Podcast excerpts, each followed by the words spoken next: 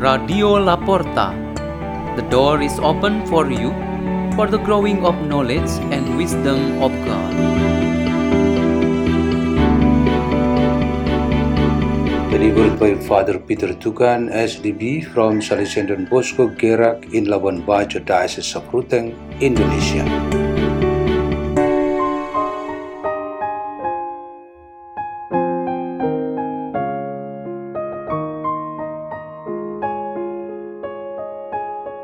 Readings and meditation on the Word of God on the fourth Sunday of Advent, 24 of December 2023.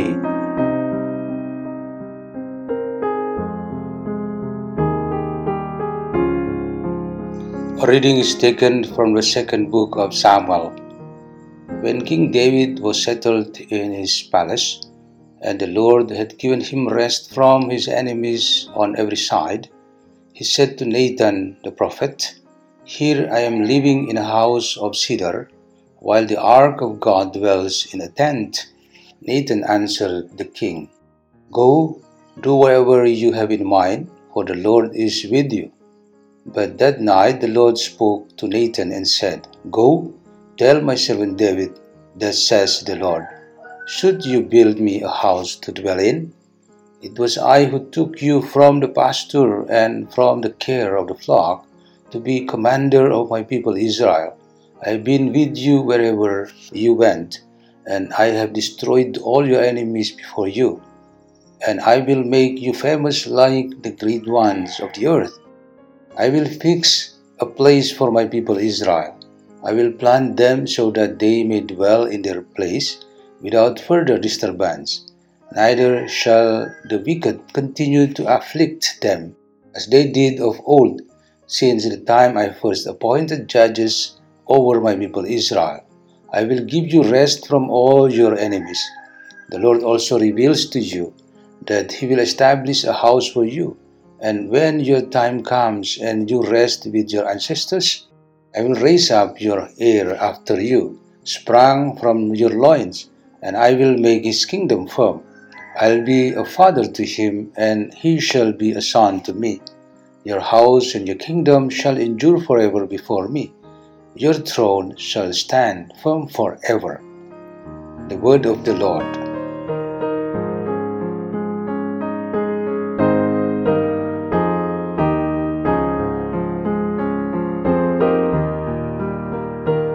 A reading is taken from the letter of St. Paul to the Romans, chapter 16, verses 25 to 27. Brothers and sisters, to him who can strengthen you according to my gospel and the proclamation of Jesus Christ according to the revelation of the mystery kept secret for long ages, but now manifested through the prophetic writings and according to the command of the eternal God, made known to all nations to bring about the obedience of faith to the only wise God through Jesus Christ be glory forever and ever. Amen. The word of the Lord.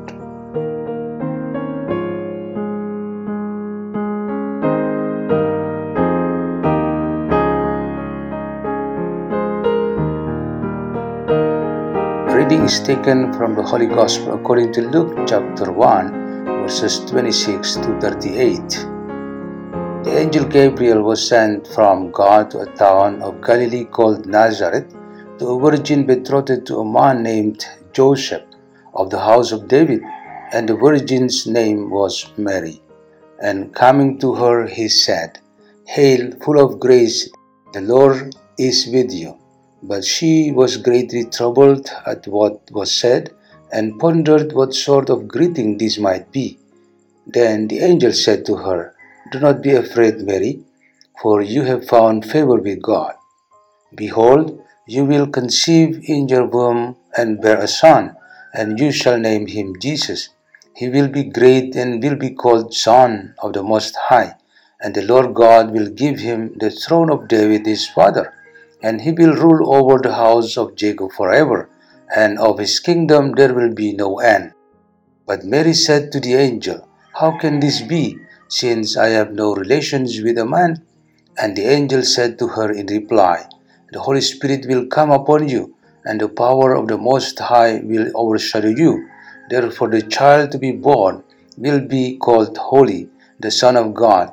And behold, Elizabeth, your relative, has also conceived a son in her old age, and this is the sixth month of her who was called barren. For nothing will be impossible for God. Mary said, Behold, I am the handmaid of the Lord. May it be done to me according to your word. Then the angel departed from her. The Gospel of the Lord.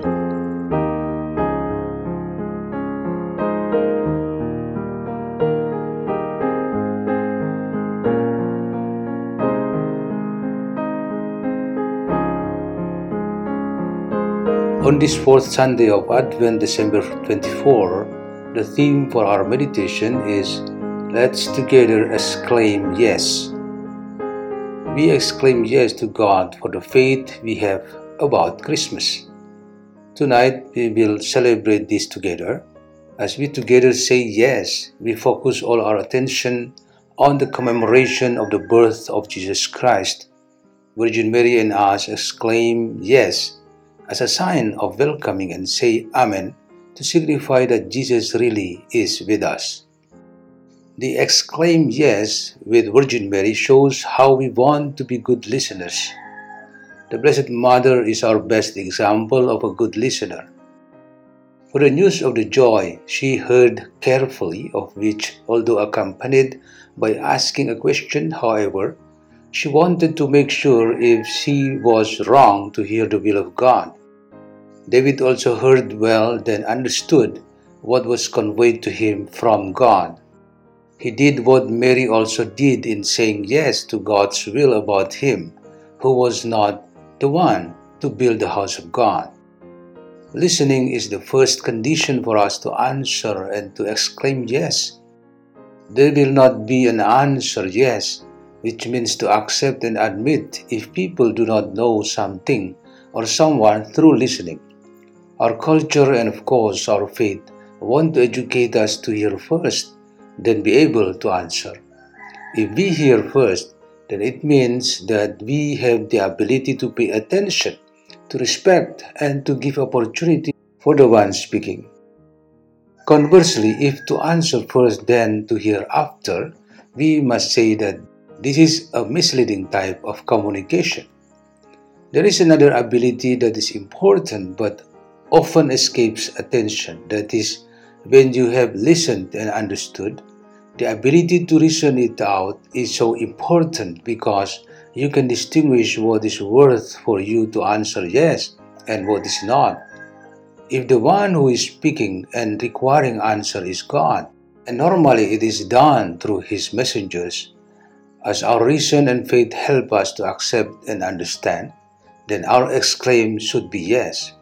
The calling to pray, to do charity, to sacrifice for goodness, and to act with love, we must always exclaim yes. It becomes problem when a call or encouragement that according to reason, conscience, and faith does not lead to goodness and truth, but evil, misleading, falsehood, and sin we must answer no. We need to admit that the world often challenges us with this influence rather stronger. Then people get tempted and finally fall into sin. We must avoid such influence of the world. Let us pray.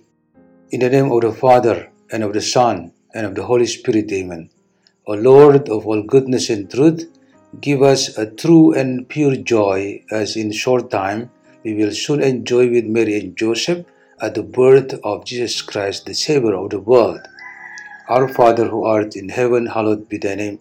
Thy kingdom come, thy will be done on earth as it is in heaven.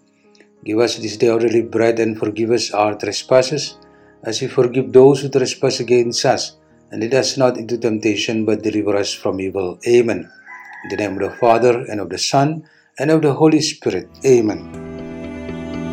Radio La Porta. The door is open for you.